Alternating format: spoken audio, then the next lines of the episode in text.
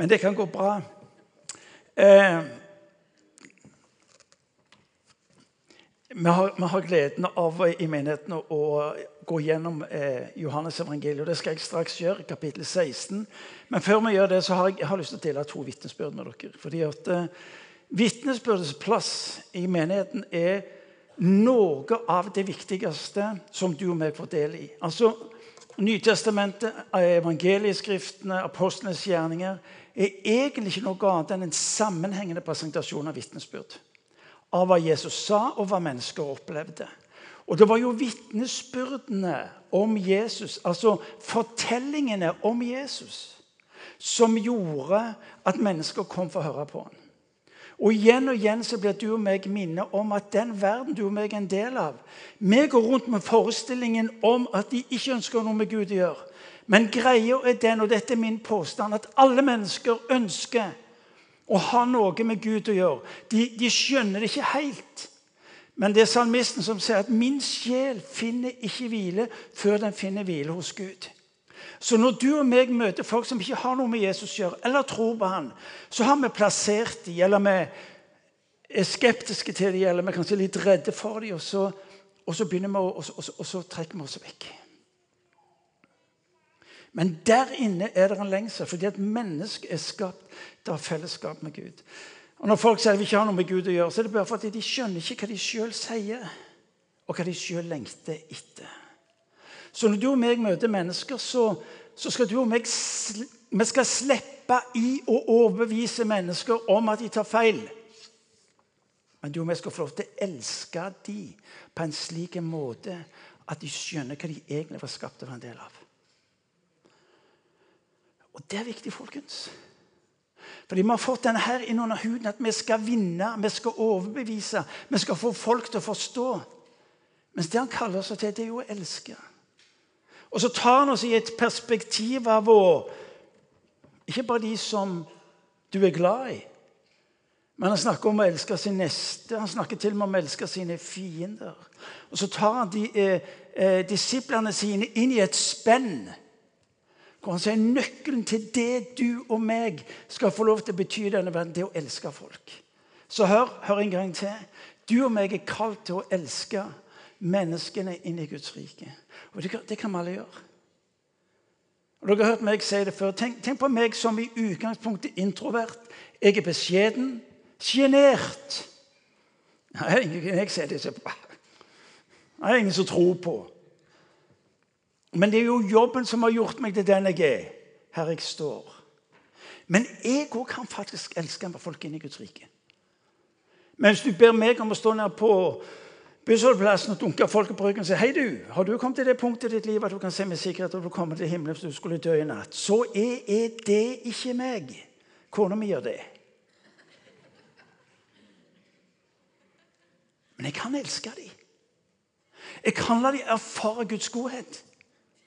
Jeg kan la dem gjøre en erfaring som Hva er dette for noe? Hva, Hva skjedde nå? Jeg sto her borte i parkeringshuset og den del år tilbake, og vi hadde Godheten var begynt å få tak i oss. Og, og der sto det ei svært gammel dame. Jeg må skape en viss distanse til noen av oss. Ei svært gammel dame. Hun hadde ikke penger jeg skulle betale på parkeringen. Sant vel? Og, og fomla og lett og alt det der. Så jeg sto bak henne så jeg bare la jo på de myntene hun skulle ha på. Og så der kom billetten. Hva? Hva skjedde nå? Nei, sa jeg. Bare la på noen mynt. Ja, hvorfor gjorde du det? Nei, jeg skjønte jo du ikke hadde, sa jeg. Så jeg tenkte jeg skulle bare gjøre det litt lettere for deg. Og... Ja, tusen takk. Og så trippa dama av gårde. Jeg sa ingenting om Jesus. Men jeg lot far erfare godhet. Det kan jeg. Og du og meg er kalt til å elske. La deg få møtepunkt. Hva? Hva skjedde nå? Tenk hvor kult det blir i byen. Hva, Hva skjedde nå? Eh, hvorfor gjorde du det? Nei, jeg hadde bare lyst. Ja, Hvor kommer du ifra? Nei, Jeg kommer fra Bekkefar kirke. Å, ja, Gjør de sånn der? Ja, der òg.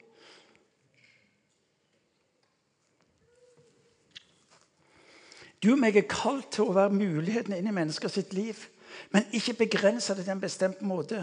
For noen av oss får angsten når vi skjønner at det er bestemte måter tingene skal skje på. De gjør jo ikke det, for de er jo forskjellige. Takk og lov at jeg skal slippe å være en annen enn den jeg er. For de andre er jo opptatt likevel. Ja, gå sagt. De er jo det. Jeg hørte vitnesbyrdet på tirsdag for halvannen uke siden. Dere må gå på bønne- og lovsangsmøtene eh, i IMI i kapellet om tirsdagene fra 7 til 9. Da, da, da hører vi vitnesbyrd om hva Gud gjør. Der, der lufter vi opp. Og siste gangen har vi hørt om hvordan Gud velsigner mennesker på det økonomiske planet. I disse tider. Er kult. Ja. Da står han sier vi skal be om alle ting. Også når den økonomiske situasjonen er utfordrende. Så det, det, har vært veldig spennende. Men så Et av de andre vitnesmålene vi fikk sist tirsdag, var, var altså tenkte Yes!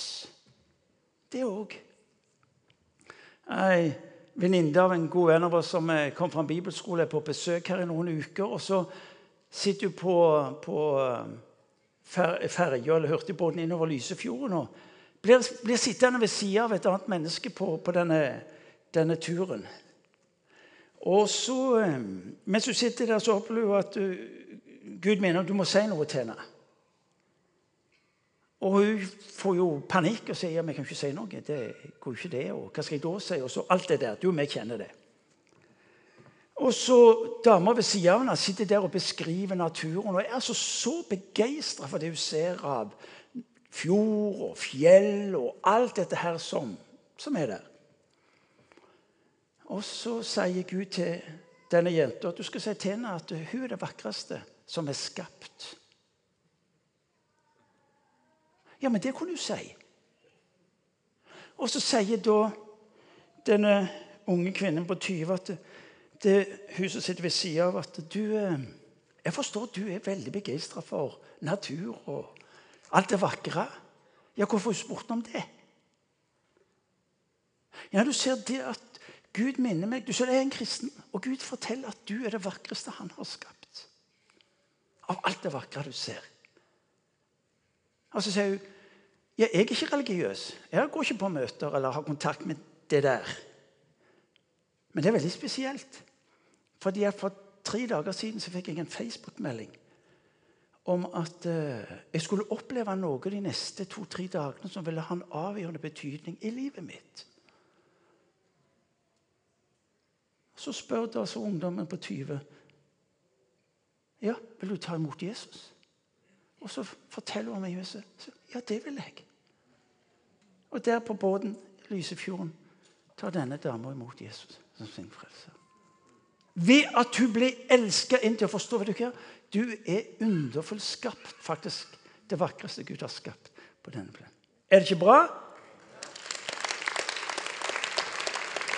Kult.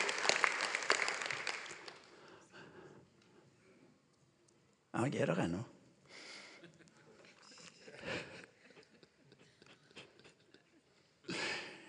Johannes 16 er en del av samtalen som Jesus har med disiplene.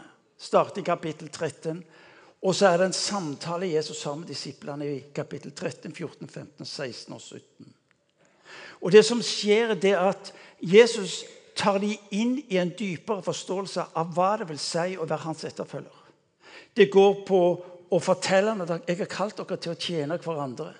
Jeg har kalt dere til å elske hverandre som jeg elsker dere. Jeg kaller dere ikke lenger tjenere, men jeg kaller dere for venner. Og Så begynner han å fortelle om talsmannen som skal komme. Om han som på et vis skal ta hans plass, slik at historien skal fortsette videre. Og så går vi inn i situasjonen hvor Jesus har begynt å tegne streker som er vanskelige. For det første er det vanskelig for dem å få tak i, få hendene på at han skal forlate dem. Men det andre som skjer, det er at han begynner å fortelle om forfølgelse. Han, han gir dem innsikt og et møte med et fremtidsscenario som utfordrer og som skaper stor forvirring. Hør nå, folkens. Det siste måltidet var ikke noe hallelujaopplegg. Det var en trykka stemning. Når Jesus innstifter nattværen, så er det ikke slik at yes, nå har vi fått tak i det. Slik er det det funker. Nei. Det er trykka stemning. Det er mange spørsmål, og den situasjonen hvor de lurer på hva skjer nå. Jesus sier i kapittel 15 bli i meg og i mitt ord. Han gir dem på et vis en type Han gir dem et svar. Han gir dem et fokus. Han forteller at i alt det som nå ligger foran dere, har jeg én en eneste ting å si til dere. Bli i meg. Bli i mitt ord. Hør nå. Denne Bibelen har egentlig Jeg er klar over det er litt sånn på kanten sagt, men det er likevel sant. Bibelen har kun ett svar for deg og meg i de ulike livssituasjonene, og det er Jesus. Jesus har nå gjennom år, tre år tatt disiplene på vandring hvor de har møtt et liv helt ubeskrivelig. Så er det noe som skjer. Flokken rundt de minker. Forfølgelsen synes, eller spenningen synes å vokse. Jesus forteller hva som ligger foran dem, og så har han ett eneste budskap, og budskapet er seg sjøl. Bli meg. Og om du ikke husker noen ting annet fra denne gudstjenesten, så husk ordene 'bli meg'. Fordi det Jesus sier, er at jeg er kilden for alt det andre som du lengter etter, og som du trenger til. Jesus henviser egentlig ikke til noe annet eller noen andre enn til seg sjøl. Og så leser vi på slutten av kapittel 15 om verden hater dere. Så skal dere vite at verden hater meg først. Plutselig så tar han de inn. Ikke bare sånn en type fremtidsanskuelse, men han sier verden hater meg, derfor vil den også hate dere. Fra de store mulighetene av å se under, tegn og mirakler til å ta de inn i det som har med forfølgelsen. Ordene lyder dobbelt sterkt, for han har samtidig sagt 'jeg skal forlate dere'. Han har altså sagt 'jeg skal forlate dere'. Dere skal bli utsatt for forfølgelse. Når jeg sier 'forlate', så betyr det jeg skal forsvinne. Tre års vennskap er forbi. Og det Jesus nå trekker opp, er forfølgelsen. La oss stoppe litt opp for forfølgelse, og kanskje få et perspektiv. Vi vil mene ifølge historien at aldri har Kirka blitt så kraftig forfulgt som det siste hundre året. Og Når vi snakker om forfølgelse, så snakker vi om liv. Vi snakker om millioner av kristne som er blitt henrettet pga. at de bekjente troen på Jesus Kristus. Et fremtidig scenario. Verden vil hate dere. Hvorfor? Fordi dere er ikke av denne verden. Det er noe ved kirka sin blotte eksistens som utfordrer verden. For kirka er, kirka er du og meg, er ved vårt liv et budskap til omgivelsene våre. En har sagt det slik du har ikke primært et budskap, du er et budskap. Ved den måten som du lever på, ved det fokusretning du har for livet ditt. Troen og etterfølgelsen av Jesus tar deg inn i en helt annen dimensjon som gjør at omgivelsene spør hei, hva er det som skjer nå? Du leser faktisk i i de første bladene i Bibelen så leser du om Noah. Du leser om han også i Hebreabrevet 11. Hans tro ble en dom over verden.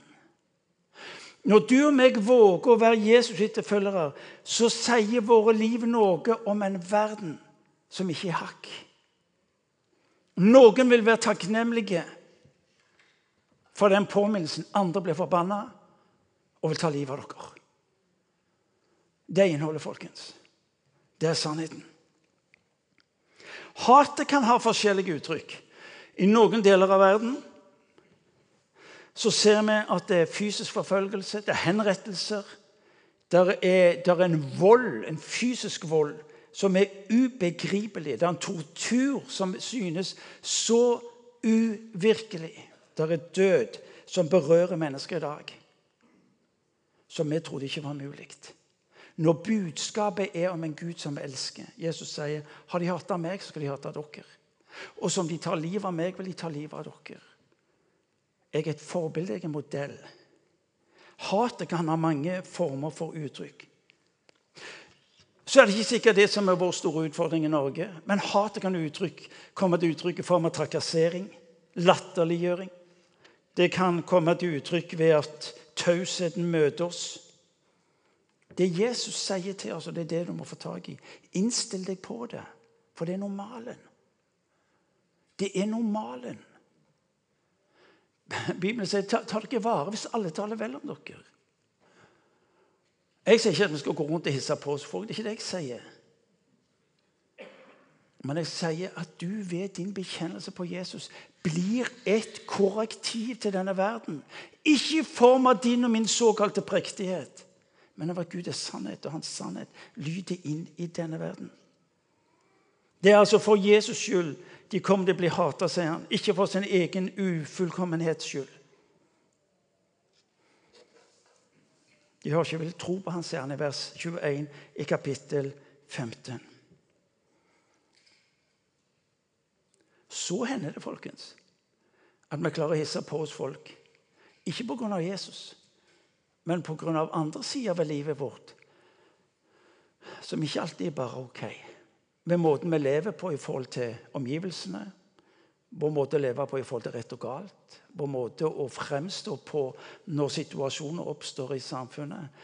Eh, sørg for at du ikke blir forfulgt av feil grunn. Og så i kapittel 16. Dette var innledningen. Er det fremdeles? Dette har jeg sagt til dere, sier han.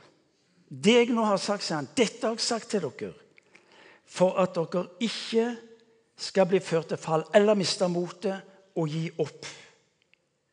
Fortvilelsen over at dette hender, og at Gud ikke griper inn, kan for mange føre til jeg gir opp. Jesus har forutsagt det. Han har sagt dette er normalen. Derfor skal de ikke miste motet. Og så trekker han opp et nytt scenario. Én ting er at verden hater dere, men så ser han inn i en jødisk kontekst, inn i jødene sitt liv, inn i disiplene sitt liv. Men synagogene, sier han. Han sier de skal utstøte dere av synagogen. Fra en ytre verden til sentrum av livene deres. Fordi en utstøtelse av synagogen var for jøden den største tragedie for livet både når det gjaldt relasjon, familie og samfunnsmessig. Når det gjaldt mulighetene økonomisk, var knyttet opp til din plass i synagogen. Hvis du ble utstøtt av synagogen, hadde du det verre enn hedningen. Jesus trekker opp et scenario som ikke er såkalt løfterikt rent ytterst sett. Og videre står det i Guds ord skal de slå dere i hjel. Ja, sier han. Det kommer en tid der de som slår dere i hjel, skal tro at de utfører en tjeneste for Gud. De skal altså måtte gi sitt liv for Jesu navn. Og så vet vi at ikke mange måneder etterpå så bryter forfølgelsen ut. Dette er en del av livet vårt, folkens. Dette er en del av det vi inviteres inn i. Fordi at verdien, kraften i det livet Jesus gir oss, utfordrer omstendighetene og omgivelsene. Og så står det i vers 4.: Men dette har jeg sagt eh, for dere, at dere skal huske at jeg sa dette kom um, Dette har jeg sagt dere for at dere skal huske at jeg sa dette om dem når, den, når deres tid kommer. Men så sier han, vær frimodige. Tross alle trengsler, lyder det i vers 4. Vær frimodige. Og så trekker han opp et scenario som er avgjørende viktig for oss å få tak i. Jeg gjentar. Hvilke fremtidsutsikter var det altså disiplene hadde? Jesus trekker seg ut. Han sier 'jeg forsvinner'. Plattformen for samfunnslivet deres smadres, og martyriet er der løftet opp for dem. Det var ikke rart at disiplene opplevde kaos og fortvilelsen og frustrasjonen og de mange spørsmålene. Hva betyr dette? Og så er det interessant. Jesus svarer ikke på alle spørsmålene. Han gir ikke svar på alle spørsmålene. Det er nesten som han sier, det er tillatt å ha spørsmål. Det er tillatt å være fortvila. Det er tillatt å være frustrert. Men når Jesus ser på den gjengen som han er sammen med rundt middagsmåltidet den kvelden, så vet han samtidig at litt lenger ned på veien skal han gi dem en utfordring som dere hørte i dramastykket om å gå ut og gjøre denne verden til mine etterfølgere. Jesus tar aldri utgangspunktet i det som rent ytre sett synes å være situasjonen. Han tar utgangspunkt i hva han sjøl vil gjøre i det mennesket sitt liv. Får du tak i det? For du og meg definerer livene våre så ofte ut ifra omstendighetene, de såkalte mulighetene, det som kunne, osv. Når Jesus sitter og ser på den gjengen som sitter rundt middagsbordet, og alt er bare kaos så vet han samtidig at noen uker og måneder lenger ned på veien skal de bli nøklene til forandring av denne verden.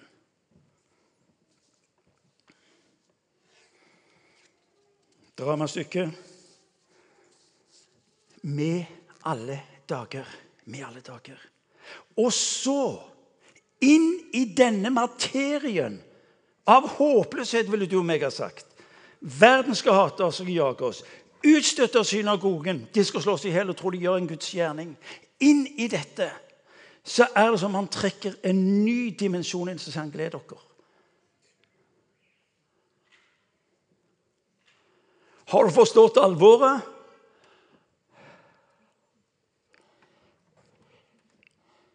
Gled dere. Gled dere. For jeg skal sende dere talsmann. Det er av det gode at jeg forsvinner. Det er det gode at jeg trekker meg tilbake, for da skal tredje person i guddommen tre, nemlig talsmannen. Og så har han tegnet et bilde, et scenario, av hva eh, verden vil representere for dem der.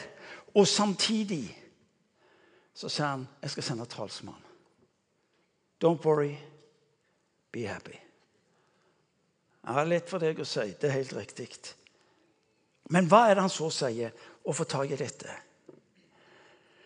Men jeg sier dere sannheten, i vers 7. Det er det beste for dere at jeg går bort, for dersom jeg ikke går bort, kommer ikke talsmann til dere. Men går jeg bort, kan jeg sende ham til dere. Og når han kommer, skal han gå i rette med verden og vise den hva synd er, hva rettferdighet og hva dom er. Synden er at de ikke tror på meg. Rettferdigheten er at jeg går til Far, og dere ser meg ikke lenger. Dommen er at denne verdens fyrste er dømt. Ennå har jeg mye å si dere, men dere kan ikke bære det nå. Men når sannhetens ånd kommer, skal han veilede dere til hele sannheten. Jeg skal sende talsmannen til dere, og dette må du få tak i. For det virker som ånden skal gjøre forskjellige gjerninger. Det eneste, ene han skal gjøre, det er han skal overbevise, verden, overbevise verden om synd, rettferdighet og dom. Og for meg, som har vokst opp i en sånn vestlandspietisme og vekkelseskristendom, så er disse versene noen av de som har voldt meg størst utfordring. Ikke fordi de var i og for seg så vanskelige, men fordi de tok fokuset. For mange av oss så har kristenlivet primært vært å forstå Den hellige ånd som den som overbevise om synd. Synden i all synd er vantroen. Dette at man ikke vil tro på Jesus. Det er anliggende. Når Jesus sier hva synd er, så sier han synd at de ikke vil tro på, på Sønnen. Jeg husker ennå da jeg tidlig som kristen møtte vekkelsesforkynnelsen og fortalte om at det var synd at jenter gikk i dongeribukser. At det var synd at en spente fotball om søndagen. At det var synd at de gikk med ringer i nesen og ørene. Nei, den gangen hadde de ikke ringer i nesen, det var bare ørene. Hele det der spekteret. Og de første årene av mitt liv var min forståelse av Den hellige ånd. Han er her. Det er altså den utsendte politisjefen som skal sørge for å peke på og så ble kristenlivet mitt et spørsmål om å holde seg vekke, om å passe seg for. For Den hellige ånd vil komme, så vil han ta meg, så vil han overbevise meg om hva som var synd. Den hellige ånds gjerning er å peke på Jesus. Det er nesten som noen av dere har hørt meg si en gang før, det er nesten som Den hellige ånd sier du gir noen blaffen i synda di. Konsentrer deg om Jesus. Fordi hvis du er opptatt med Han, så skal du tidsnok få øye på synder i livet ditt. Men hvis du og meg blir dratt inn med vårt fokus på synd, så kan jeg fortelle deg at du og meg blir værende der. For det som du gir fokus i livet ditt, det gir du makt og innflytelse i livet ditt. Han skal overbevise verden om synd. Synd at de ikke tror på Sønnen. Parentes. Når Jesus sier talsmann skal komme, ja, hvordan ser det ut? Han tar bolig i ditt og mitt liv. Det betyr at ditt og mitt liv skal få lov til å være altså Noen har sagt fjernsynsskjermen. Hvor Den hellige ånd er synlig, der han gir ut ord til mennesker om en Gud som elsker. Det betyr at du og vi skal slippe å gå rundt og påpeke synd i mennesker sitt liv. Du, Vi skal slippe å gå rundt og eh, gi ut fordømmelsen til mennesker på et liv som skulle vært annerledes. Du, Vi skal slippe å være mennesker som går rundt, og så har vi plassert Nei. Peke på Jesus. Synd er at de ikke vil tro på ham.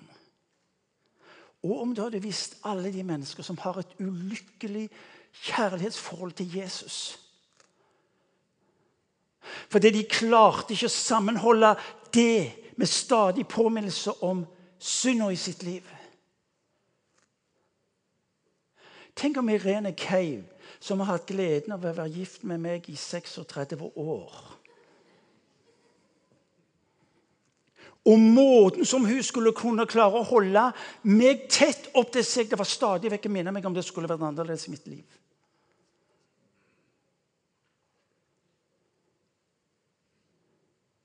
Hun vet at hvis bare Martin får være mye sammen med meg, så skjer jo de forandringene jeg ønsker å se i livet hans. Hun skjønte det! Overbevise om synd. Hvilken synd? At de ikke tror på han. Og så får du og meg lov til å være røsten inn, kjærligheten inn i menneskers liv, som gjør at de våger. Jeg møtte her ute i IMI i korridoren for mange år siden. Toren og meg hadde eldresykestund, som det het den gangen hadde nattvær for første gang. Møter ei dame på 92 år som sier vet du hva, i dag gikk jeg til nattvær for første gang i mitt liv. Ja, men Kjetil, hvorfor har det ikke gått før? Nei, jeg har jo ikke vært god nok. Jeg har hatt oversikten på det som ikke holdt liv, mål i livet mitt.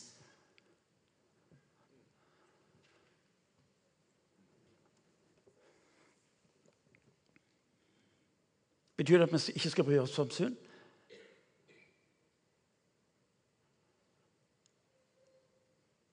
Det er nesten så jeg har lyst til å si nei. Fordi når du våger å gjøre det han sier, og holde deg nær til bli i meg, sier han, så vil du få øye på det som han ønsker å forandre ditt liv. Får du tak i det? Andre var om rettferdighet. Rettferdighet i min norske oversettelse blir kvalifisert uklanderlig er godt sagt. Når Bibelen taler om å bli rettferdiggjort, så ser han på deg som kvalifisert uklanderlig for Jesus skyld. Fordi at jødene besto rettferdigheten og oppfyller en hel masse lover og regler. Jesus viser til en annen vei, nemlig til seg sjøl. Jeg husker min gode venn Ingebjørg Lindheim, lagsekretær i Bergen, sa Martin det er store tragedie her på Sør-Vestlandet. Paulus snakker om et forheng som gjør at de ikke Om, om et sånt et, uh, slør som gjør at folk ikke ser ham. Han snakket om jødene. Paulus snakker om jødene. Og så sier Ingebjørg eh, her på Sør-Vestland så har vi to former for slør. Det ene er det naturlige anstøtet som evangeliet representerer meg på den andre sida. Er det det sløret vi har lagt. Folk møter i form av krav om hvordan de skulle oppføre seg, om hvordan kristne skulle være. og så ble det krav om oppførsel og uttrykk snarere enn tilhørigheten og nåden. Er dere med meg? Så sier han etter oppstandelsen har vi en ny form for rettferdighet. Der hvor synderne erklæres rettferdig pga. Jesu frelsesverk. Hør nå denne rettferdigheten han har for ditt og mitt liv, som han erklærer over ditt og mitt liv. Det er noe som utenfor deg og meg den er tilregna. Så snakker han om dom. Verden felte dommen over Jesus og korsfestet han. Men ved denne dom tar han den dommen som du og meg skulle hatt. Når han kommer for å overbevise om dommen, så peker han på den dommen han sjøl har tatt. Enten den dommen Den hellige ånd skal overbevise om dom, enten den dommen som Jesus tok i ditt sted, men også den dommen du henter ned over deg sjøl ved å avvise Jesus. Gud dømmer ingen til fortapelse. Det gjør mennesket sjøl ved å avvise Jesus og hans stedfortredende lidelse død og oppstandelse. Amen.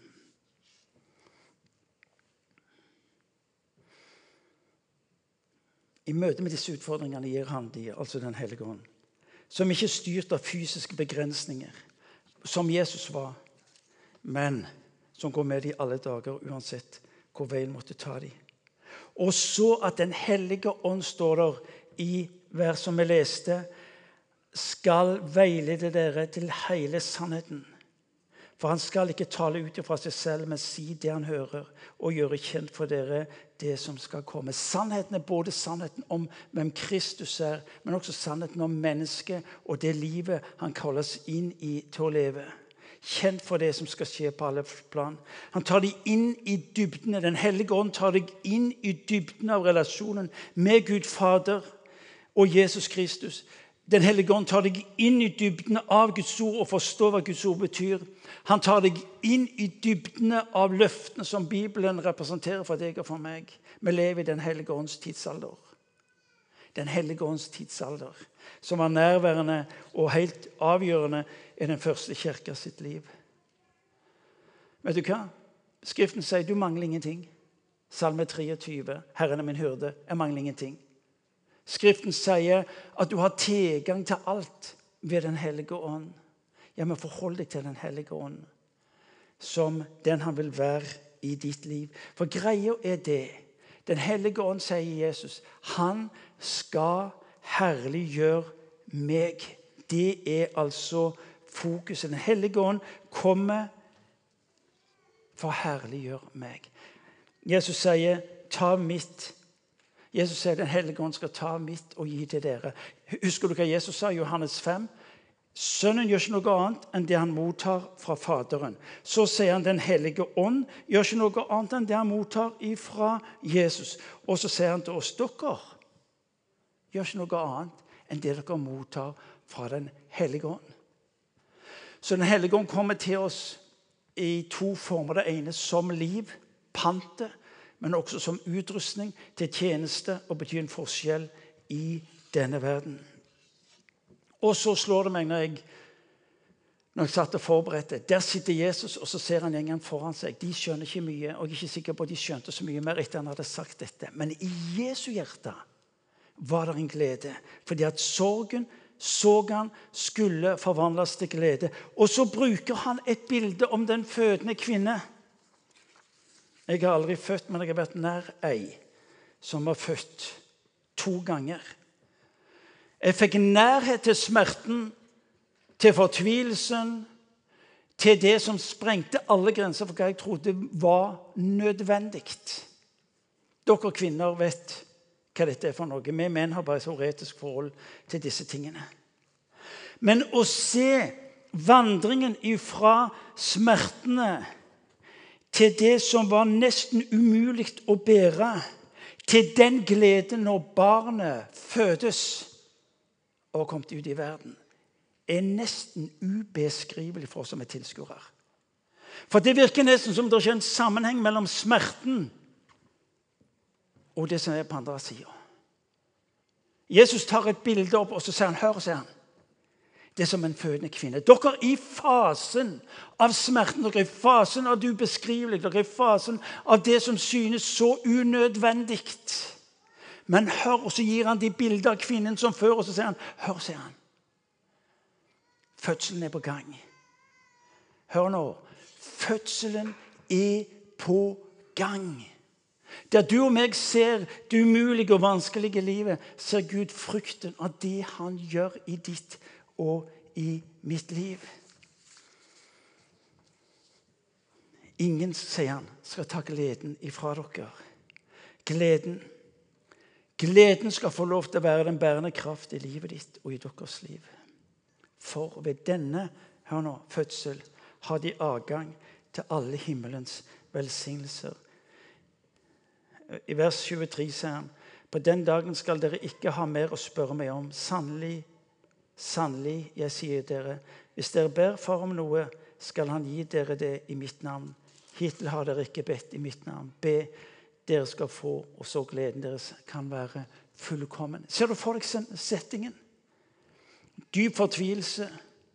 Alt det de ikke skjønner eller får tak i. Så sier man hør nå, talsmannen kommer. Han tar dere inn i, og Så gir han de bilder med kvinnen som føder. Og så sier han hør nå, be om hva dere vil. Uansett omstendigheter, uansett situasjon, be om hva dere vil. For Faderen vil lengte etter å svare dere. En fullkommen glede snakker han om, ikke betinget av omstendighetene. Utfordringen for deg og meg er at vi står i fare for å bli usynlige og anonyme. Derfor blir dette så viktig for oss. Han tegner opp for oss det som er normalen for de som vil være Jesus etterfølger. Han sier 'vær frimodig' i vers 33. Vær frimodig. Eh, dette har jeg sagt dere for at dere skal ha fred i meg. I verden har dere trengsler, men vær frimodige. Jeg har seiret over verden. Hvordan bli i dette livet at vi ikke bukker under? Bli meg, sier Jesus. Hvordan er det mulig å leve i en slik situasjon og overleve med forfølgelsen, utstøtelsen, forakten, vanæren? Bli i meg. Jesus har ett svar. Bli i meg. To korte vitnesbyrd til slutt. Jeg husker sjøl at jeg som 19-åring eh, begynte å reise i Øst-Europa. Og mitt møte med den forfulgte kirke hadde avgjørende betydning. For møtet med de som var forfulgt av troen, hadde konsekvenser for min måte å leve på i min hverdag. Fordi du kan gjøre forfølgelsen til et problem i din hverdag, eller du kan gjøre den til en mulighet. Arbeidsplass, familie, skole, hvor det måtte være henne. Vi hørte om kristne som nekta å bli tause om troen på Jesus. Men de mangla én ting spesielt, og det var bibler. 19 år gamle meg og kameraten Per Inge setter oss i en gammel, falleferdig folkevognbuss ned på autobanen i Tyskland. Det var litt av et scenario, det. Motbakken tok oss ned i 50 km i timen. Er du med? Mens Mercedeser og Ferrarier de sprøyt forbi deg med 200 km i timen. Men vi hadde helt annen last enn disse Mercedesene. Var stappa full av bibler. Ja. For vi hadde hørt at de ville ha bibler. Vi hadde fått eksempler på hvor de hadde håndskrevet biblene. Og Så delte de Bibelen opp i deler, så delte de den til hverandre. Så lærte de den utenat, og så fikk de en ny bit, og så lærte de den òg utenat.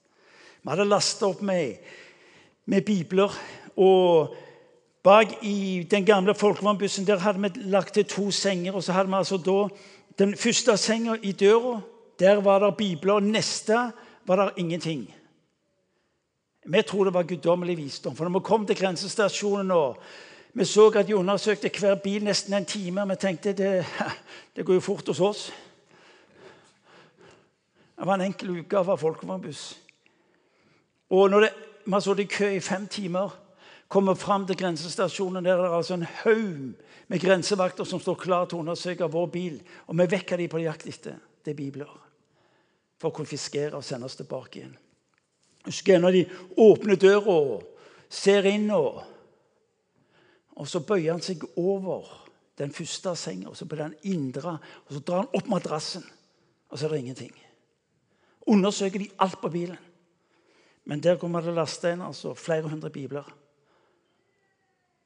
Det så han ikke. Han var så omgjengelig og hyggelig. Det var ikke måte på. Og så dro vi. Så kommer du inn, og vi kjører helt øst i Tsjekkoslovakia. Og ser når de undergrunnskirker får disse biblene, så er det akkurat som det er gullbarer de har fått tak i.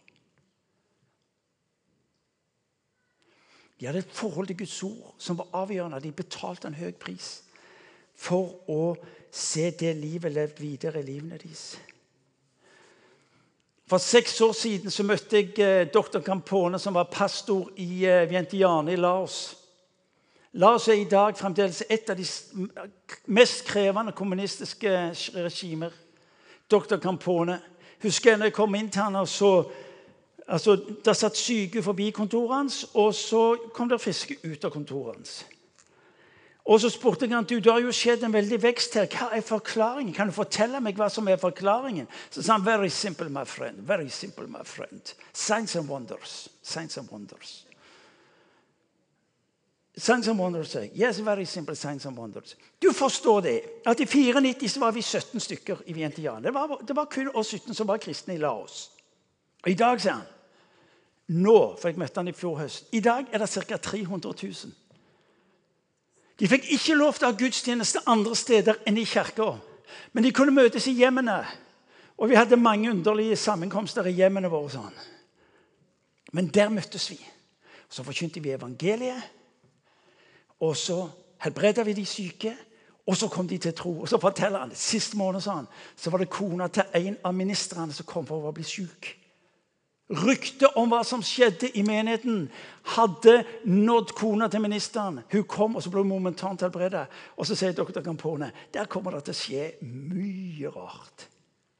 Samtidig som vi møtes eh, med Campone eh, i den, de dagene Dagen etterpå fikk Irene meg være sammen med ei gruppe som bare var de som satt i fengsel.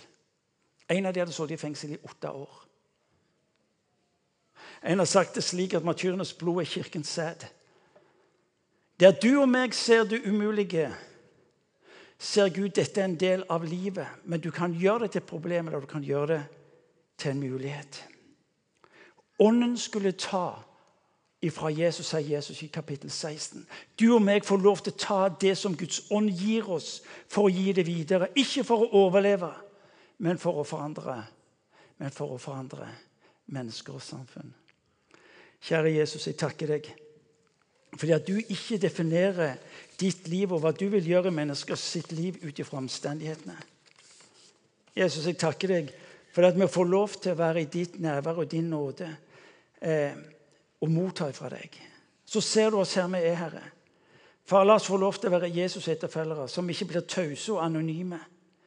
Som blir eh, de som trekker seg vekk, Herre Jesus. Men la oss få lov til å leve ut livet med deg på en slik en måte at de skjønner at du er god. La de forstå, Gud, at den rettferdigheten som ikke er basert på gjerninger og prestasjon Jesus, Den rettferdigheten den er, den er noe du tilregner oss. Fordi du har tatt straffen. Du har båret de byrdene.